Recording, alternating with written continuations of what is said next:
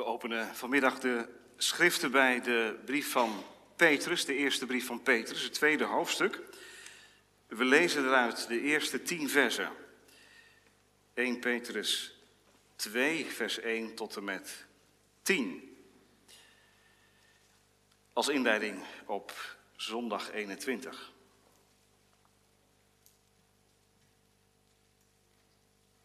1 Petrus 2, vers 1. Leg dan af alle slechtheid, alle bedrog, huichelarij, afgunst en alle kwaadsprekerij.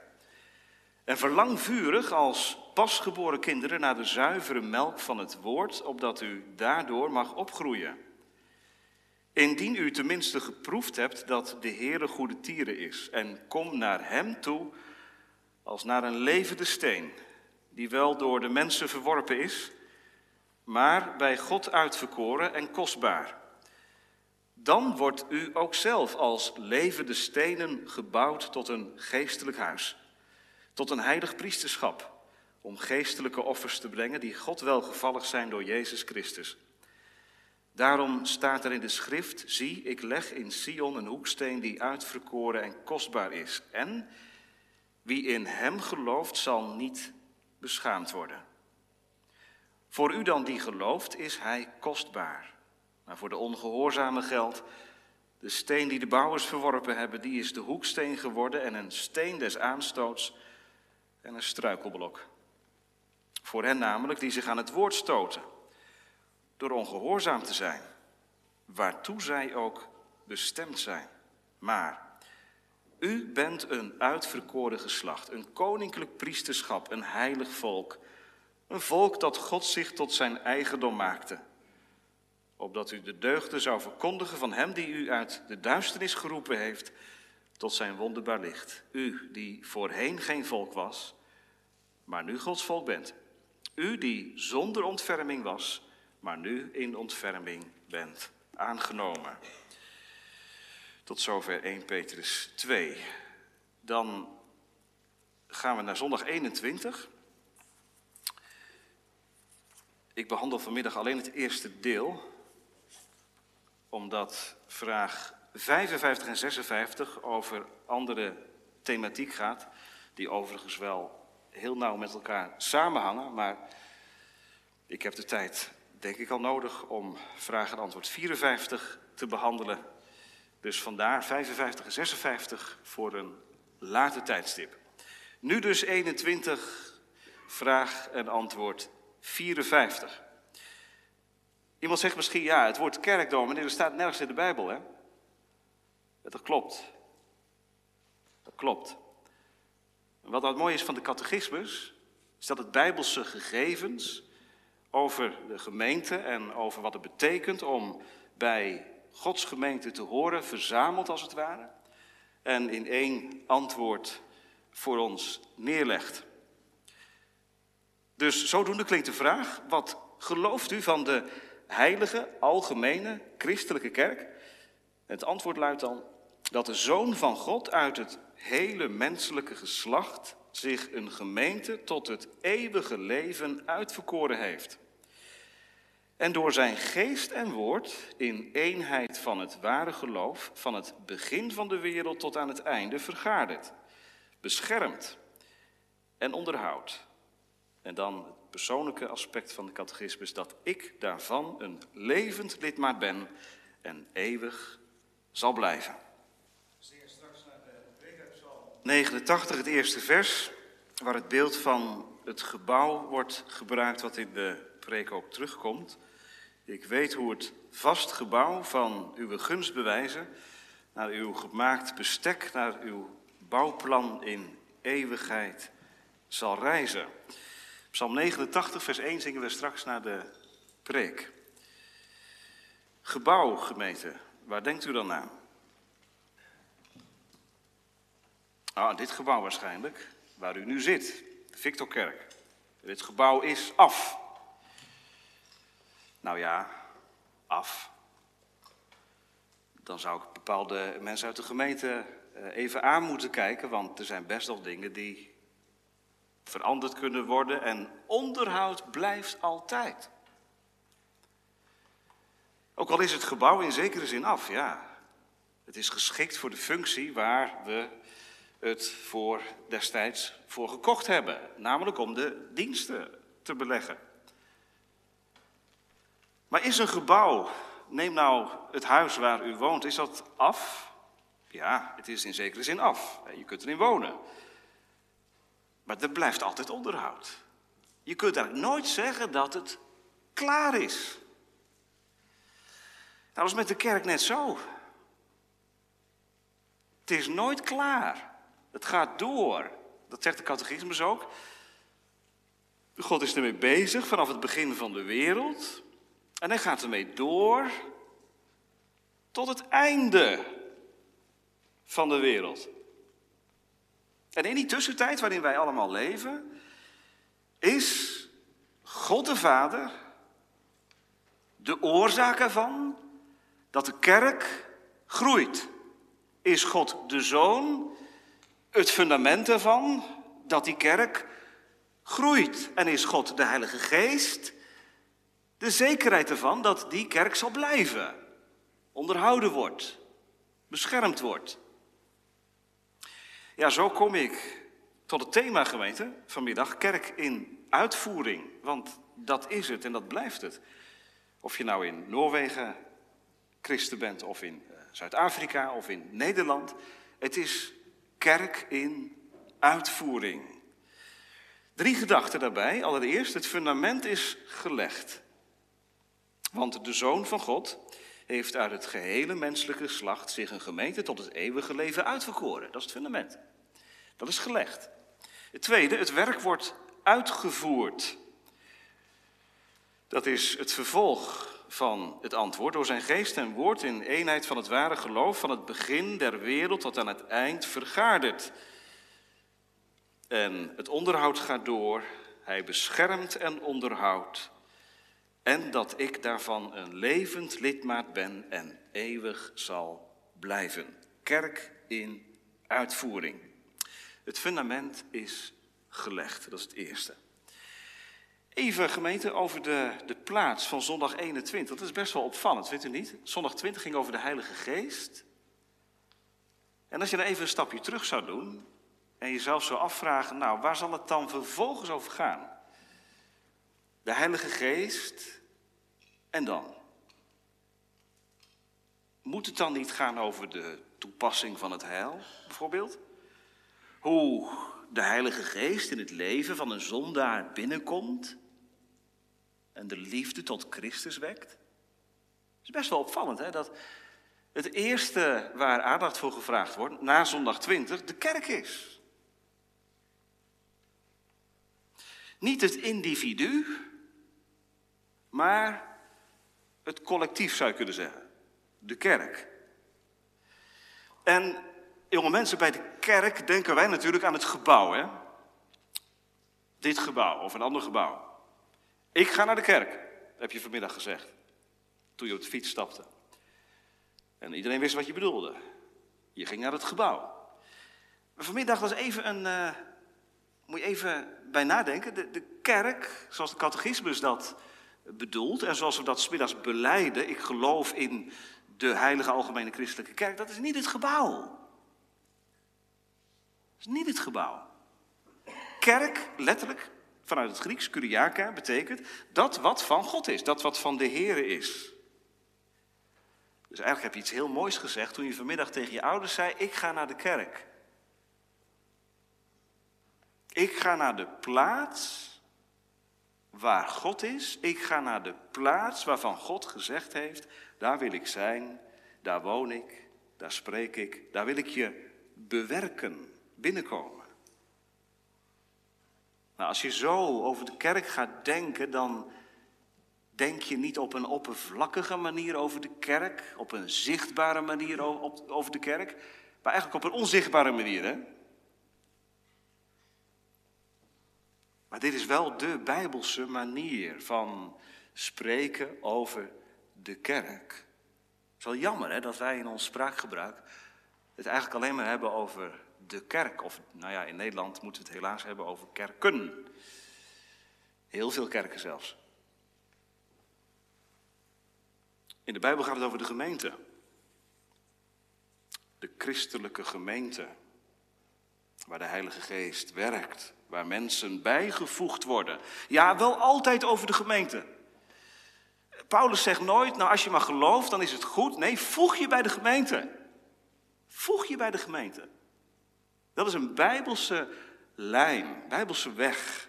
Waarom voegen bij de gemeente? Ik kan toch wel in mijn eentje geloven? Nee, je hebt niet alleen de mensen nodig, je hebt niet alleen anderen nodig, maar je hebt Gods Heilige Geest nodig. En die werkt, kijk maar in Handelingen 2, daar waar mensen samenkomen. En volharden in het gebed, in de leer, in de breking van het brood en in de gebeden. Nou, ik hoop dat u vanmiddag, dat jij vanmiddag, net als mij, het een verademing vindt om zo over de kerk te denken. En dat helpt ons ook een beetje in deze tijd van kerkscheuring en verdeeldheid.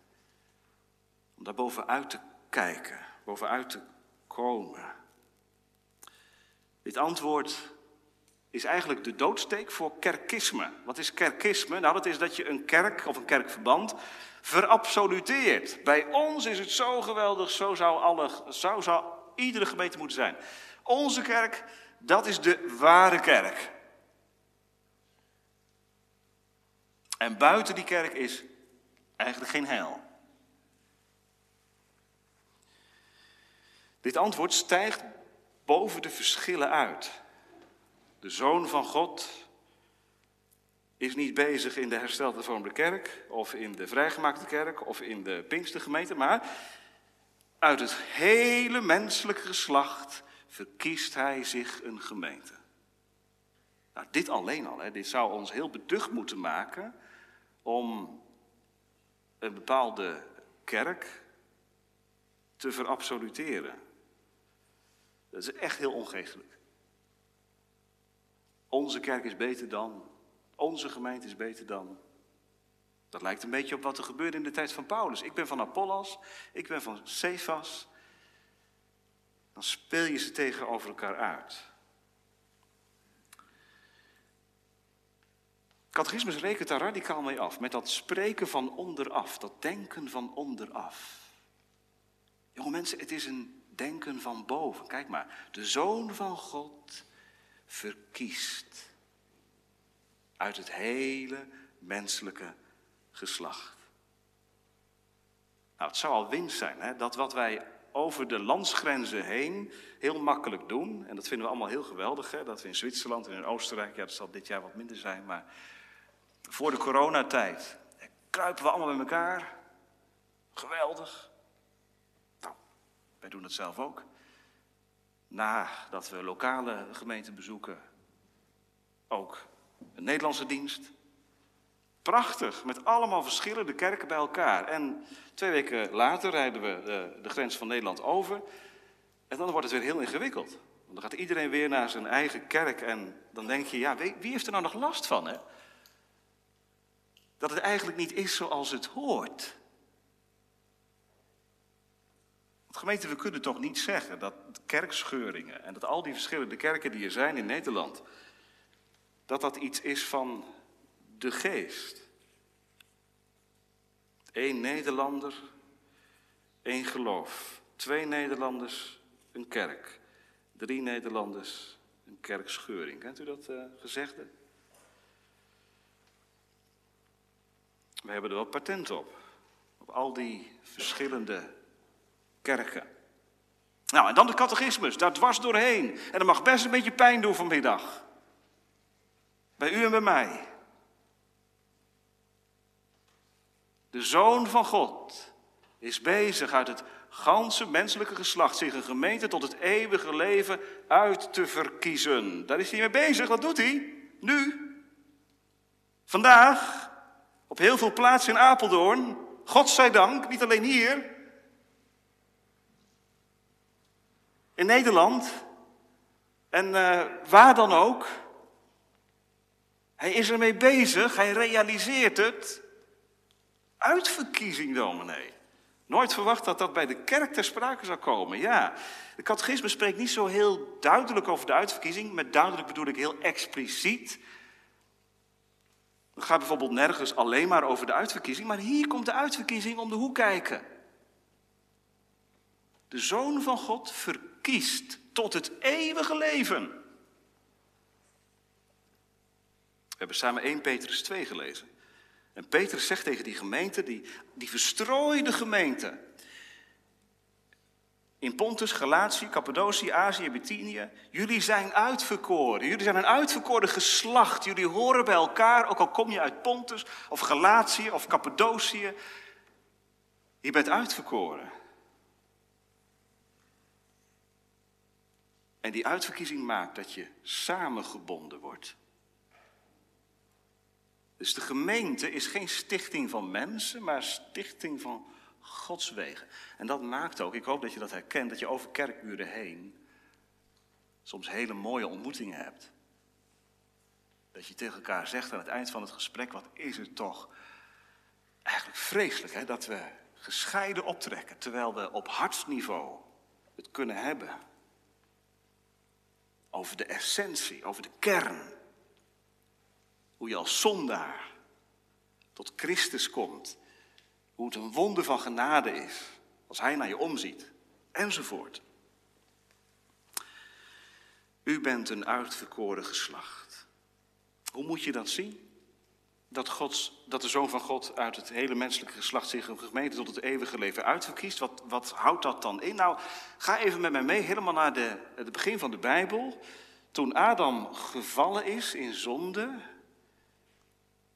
toen zei God niet, je hebt ervoor gekozen, dus ik laat je in het verderf. Hoe rechtvaardig het ook zou zijn van God als hij dat gezegd had, dat doet hij niet. Adam keert zich van God af en God wenst zich naar Adam toe. Dat is misschien wel de beste samenvatting van het evangelie. Dat waar ik, waar jij je van God afkeert, God daar geen genoegen mee neemt, maar zich naar je toe wendt. Dat doet hij bij Adam. Adam, waar ben je? Dat doet hij de hele geschiedenis door. En dat doet hij vandaag nog. Wat een wonder. Kinderen van Adam, verloren zondaren, worden door de Zoon van God opgezocht. Ja, en dan komen we bij het zichtbare gedeelte uit. Hè? Want hoe doet hij dat dan? Ja, dat doet hij door de verkondiging van het woord. Door vanmiddag een dienaar van het woord te sturen. En volgende week iemand anders. En de week erop weer iemand anders. En zo zijn er tal van dienaren van het woord die door de eeuwen heen uitgezonden zijn. Waarom? Om de uitverkiezing te realiseren. De zoon van God verkiest een gemeente. Het is voor een dominee ook heel verootmoedigend om dit stukje te lezen, want jij bent niet bezig om een gemeente uh, uit te verkiezen, maar de Zoon van God doet dat. Die trekt de gemeente naar zich toe. En als dienaar mag je daar een plekje in hebben. Ben je een onderaannemer in het bouwplan van God de Vader. En was de bedoeling dat u en jij als levende stenen ingevoegd wordt in het geestelijk huis 1 Petrus 2, waarvan Christus de hoeksteen is. Ziet u, niet van onderaf beginnen, van bovenaf. God verkiest Adam. God verkiest Israël. God verkiest de gemeente. En zo gaat het door. Tot de laatste is toegebracht. Onze tweede gedachte. Het werk wordt uitgevoerd. Want we lezen door zijn geest en woord in eenheid van het ware geloof, van het begin der wereld tot aan het eind vergaderd. Door zijn geest en woord moet je even verbinden met dat woord wat eraan vooraf gaat, uitverkoren. Hoe verkiest God? Mensen hebben daar soms hele ingewikkelde en verwrongen denkbeelden bij. Uitverkiezing, ja, dat is een flits. En dan ineens weet je het, dat je een kind van God bent, bijvoorbeeld. Moet eens kijken hoe nuchter Bijbels, de catechismus hier, de uitverkiezing omschrijft. Hoe doet God dat? Door zijn geest en door zijn woord, zegt de catechismus. Door zijn geest en door zijn woord. Zo wordt het werk uitgevoerd. Dat betekent dat je er als, als mens buiten valt. er worden onderaannemers ingeschakeld, maar het is de geest en het is het woord wat uiteindelijk ervoor zorgt dat die gemeente er is. En dan de vraag naar ons toe. Gemeente, we zitten hier nu in de kerk en de meeste van ons luisteren nog thuis mee. Hoor je daarbij? Hoor je bij de kerk? Ja, dat is een andere vraag als ben je lid van de hersteld hervormde gemeente in Apeldoorn. Hoor je bij de kerk? Bij de heilige, algemene, christelijke kerk. Bij die kerk waarvan wij beleiden dat de Zoon van God je uitverkoren heeft. En door zijn geest en woord jou te sterk is geworden. Op de achtergrond van dit antwoord speelt um, het onderscheid mee tussen de zichtbare en de onzichtbare kerk. Er zijn misschien wel mensen die daarvan gehoord hebben, van het onderscheid. Zichtbare kerk en de onzichtbare kerk. Dat is een leerzame onderscheiding die bij Calvijn vandaan komt. Hij zei, niet iedereen die Israël heet, is ook Israël. Niet iedereen, niet iedere rank die aan de wijnstok zit, is een levende rank. Nou, dat mag ons best uh, wakker schudden. Wij weten dat met ons hoofd wel, hè, dat kerklidmaatschap niet zaligmakend is. Maar het antwoord van deze vraag, op deze vraag, dat is wel weer de lijn naar ons hart toe vanmiddag. Ben ik een levend lidmaat van, in dit geval dan de hersteld hervormde gemeente van Apeldoorn? Ben ik onderdeel van de kerk? Waarom die vraag, dominee? Moet je er niet van uitgaan dat iedereen gewoon gelooft? Nee, daar kun je niet van uitgaan. Denk aan de discipelkring van de Heer Jezus, waar één uiteindelijk afviel. Denk aan de eerste Christengemeente. Ideaal plaatje, denkt u? Denk aan Ananias en Sapphira. Er is kaf tussen het koren. Moet je dat willen zeggen? Ja, want er is niet zo erg als dat je je bedriegt in de kerk. Dat je met de schijn van godzaligheid leeft en de kracht ervan verlogent. Als je de Bijbel eerlijk leest, is Paulus het bijvoorbeeld die dat voortdurend ook in, in bepaalde brieven onderstreept. Hè? Laat de kracht van godzaligheid blijken. Wees geen mondbeleider. Hier liepen mensen tegenaan. Je hebt misschien wel eens gehoord van Jean de Labadie. Die zei, ja, ik kan daar niet meer overweg. Als leider van de gemeente. Dat er dus mensen zijn in de gemeente die niet oprecht geloven. Ik sticht een gemeente met alleen ware gelovigen. Nou, dat is het ideaal. Iedereen die in de kerk zit hoort erbij. Is een schaap van de goede herder. Is een ware gelovige. Gemeente zijn ideaal ging in rook op. Het bleek onmogelijk.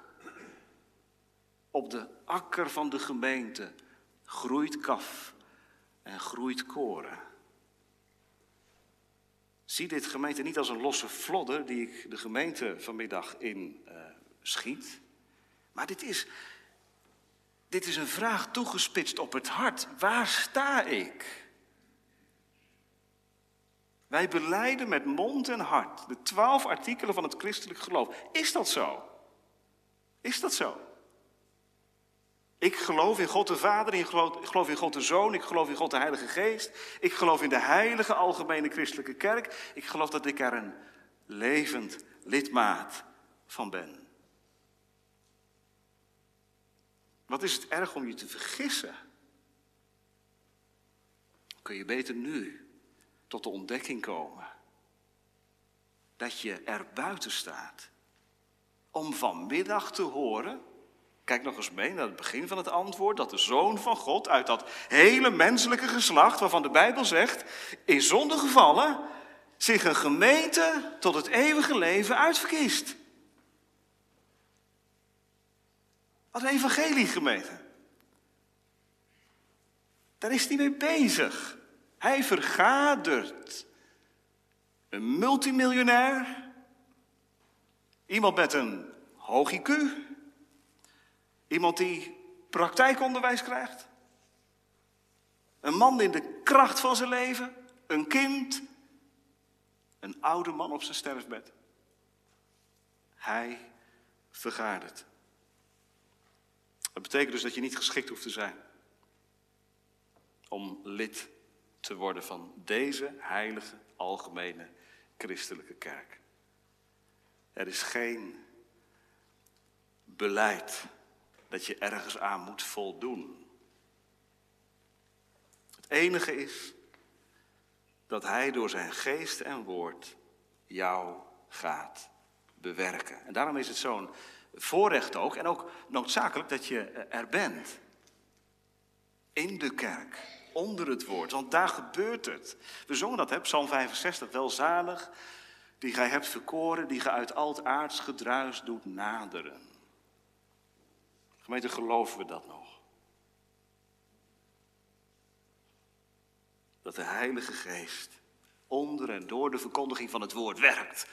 En dat hij bezig is om je het zicht te geven op de Heer Jezus Christus. Dat je de kerk uitgaat als gezegend mens. We noemen de kerk ook wel de werkplaats van de Heilige Geest. Wat is van gehoord van die uitdrukking? Werkplaats van de Heilige Geest.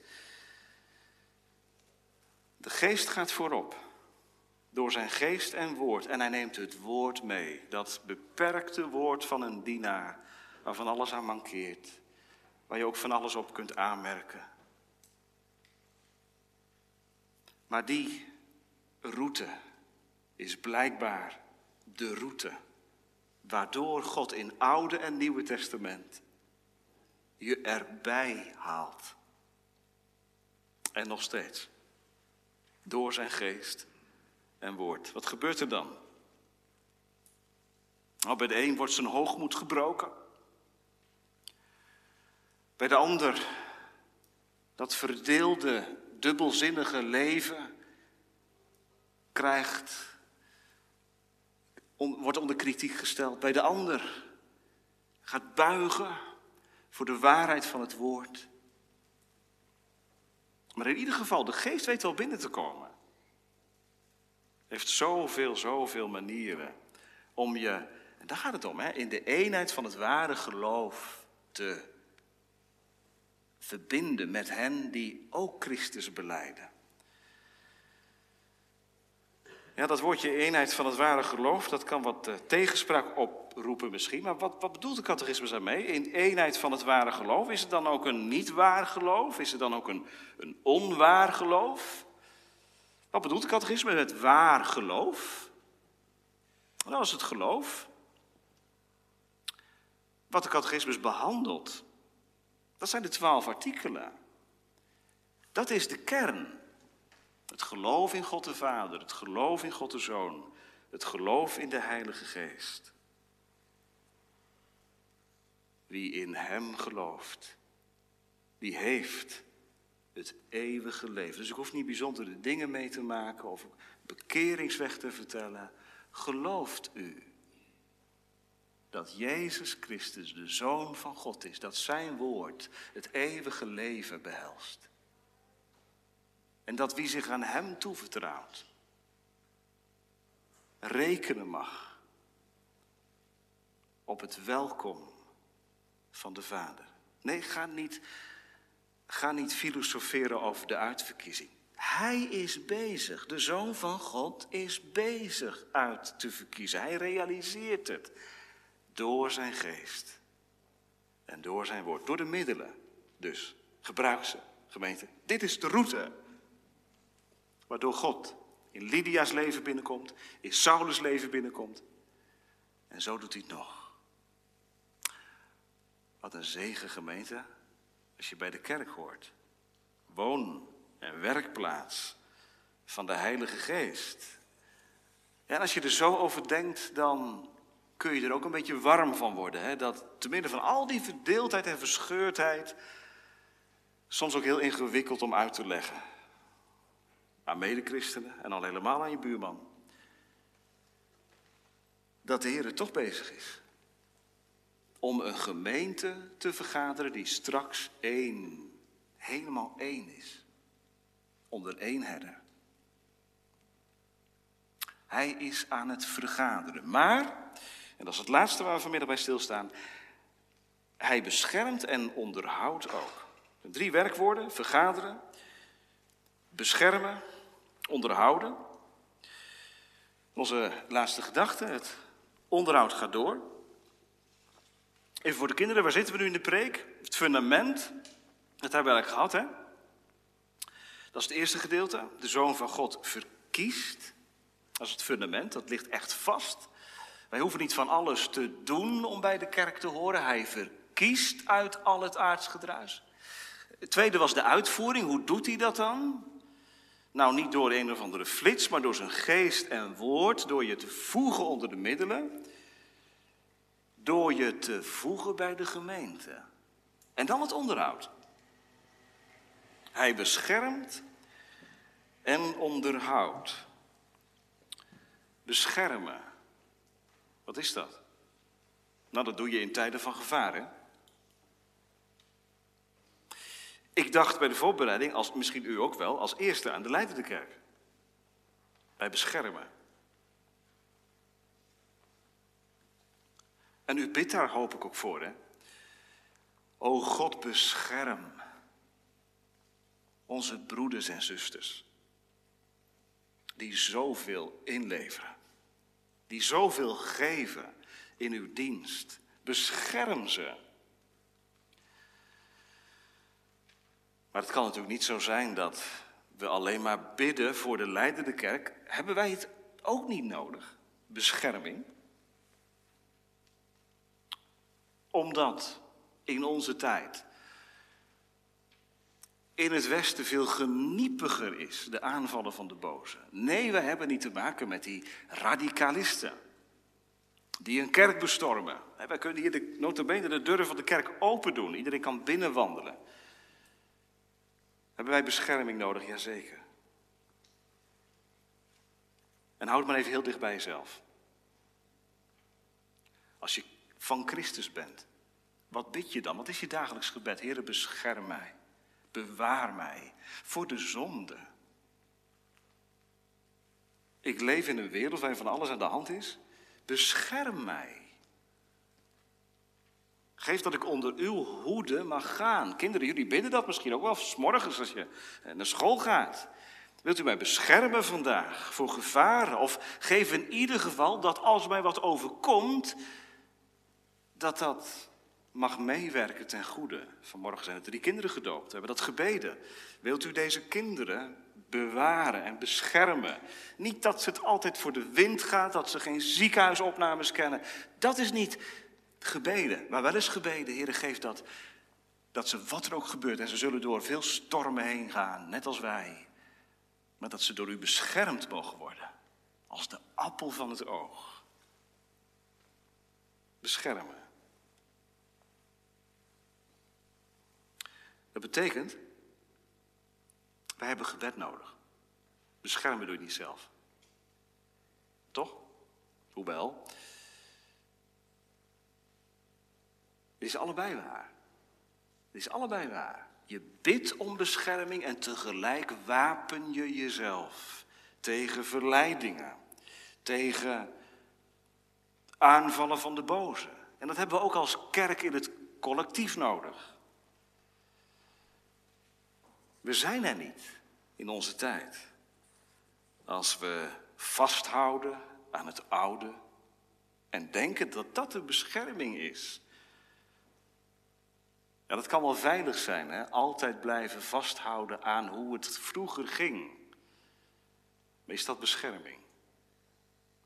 Net zo min als het bescherming is, als we de pendule van de klok de andere kant op laten slaan, laten we vooral van alles gaan veranderen.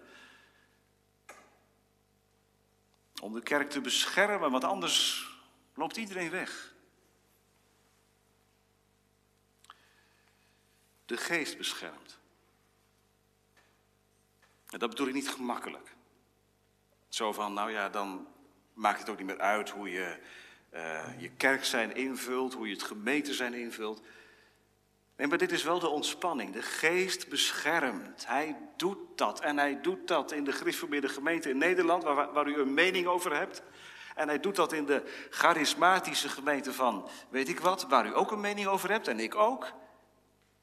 Hij beschermt. Als het maar naar het woord is. En dat is de opdracht voor ons vandaag. Is het naar het woord? Dan hebben we aanvaarding van elkaar nodig. Ik denk even aan de preek van vorige week. Aanvaard elkaar in een gemeente waarin diversiteit is. Dat mag, hè? Verschil van opvatting. Als het gaat tenminste niet over de essentiële zaken.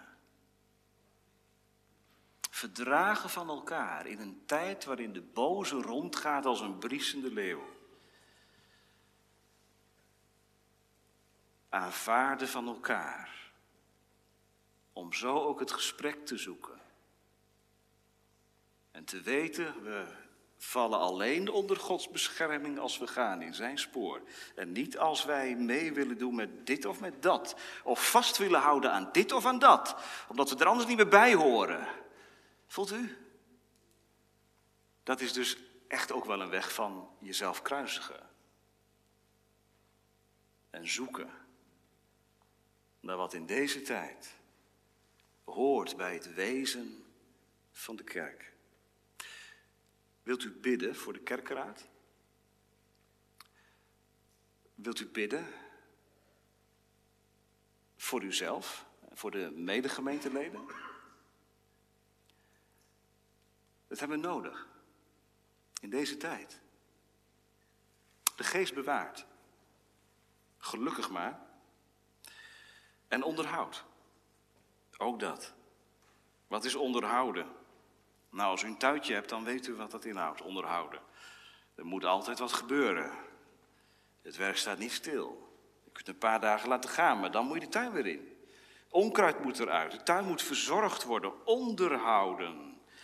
De geest onderhoudt het leven met de Here. Ook dat heeft twee kanten, hè? onderhoud. Jonge mensen, dat betekent ook je stille tijd.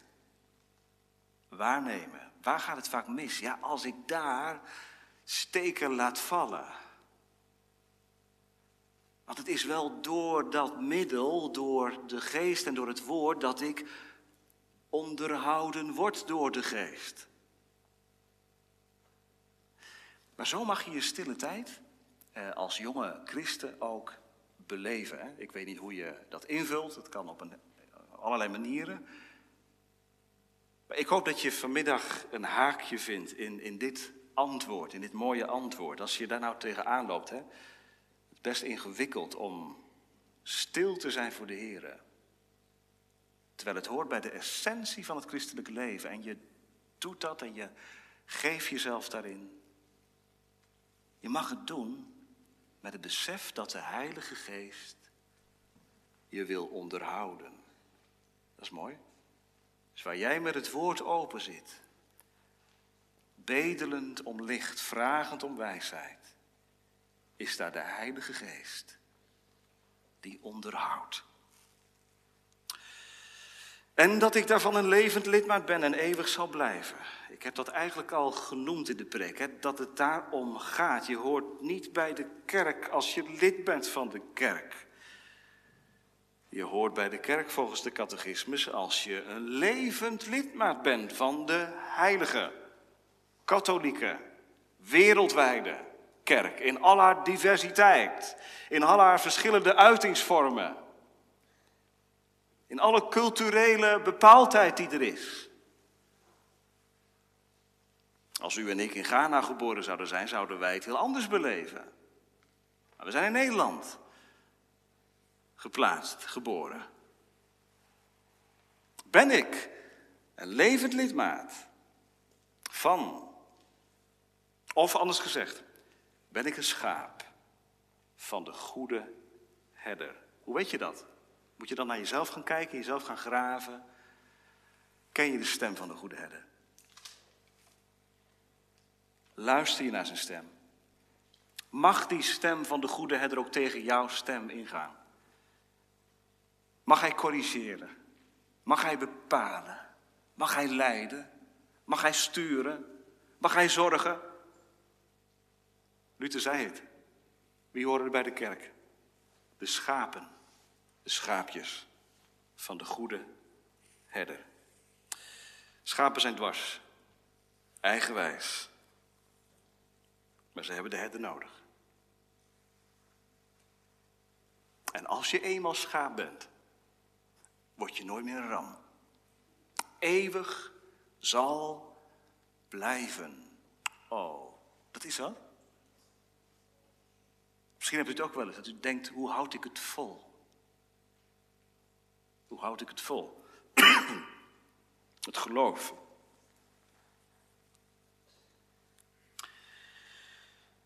Eeuwig zal blijven. Waar ligt het vast? In het werk van de Zoon. Want door zijn geest en woord bewaart hij mij en houdt hij mij bij die verworven verlossing.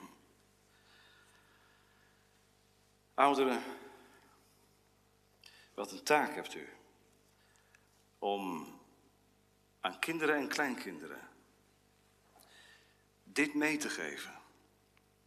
Wat hunkeren jonge mensen naar, oudere mensen, die een levend lidmaat zijn en die uit eigen ervaring kunnen vertellen. Maar jongen, de Heer is goed en hij laat je niet in de steek.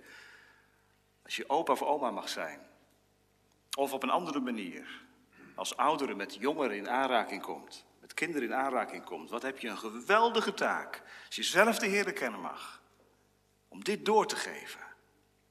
Zodat ook de komende generatie dat levend lidmaat zijn van de gemeente. Dat ze dat niet iets naars vinden. Bij de kerk horen, dat is zo saai als het maar zijn kan. Jonge mensen bij de kerk van Christus horen, dat is zo heerlijk als het maar zijn kan. Want dan heb je toekomst. Kijk, deze kerk heeft toekomst. De HK heeft geen toekomst, de PKN heeft geen toekomst, de de gemeente heeft geen toekomst. Maar de kerk van Christus wel.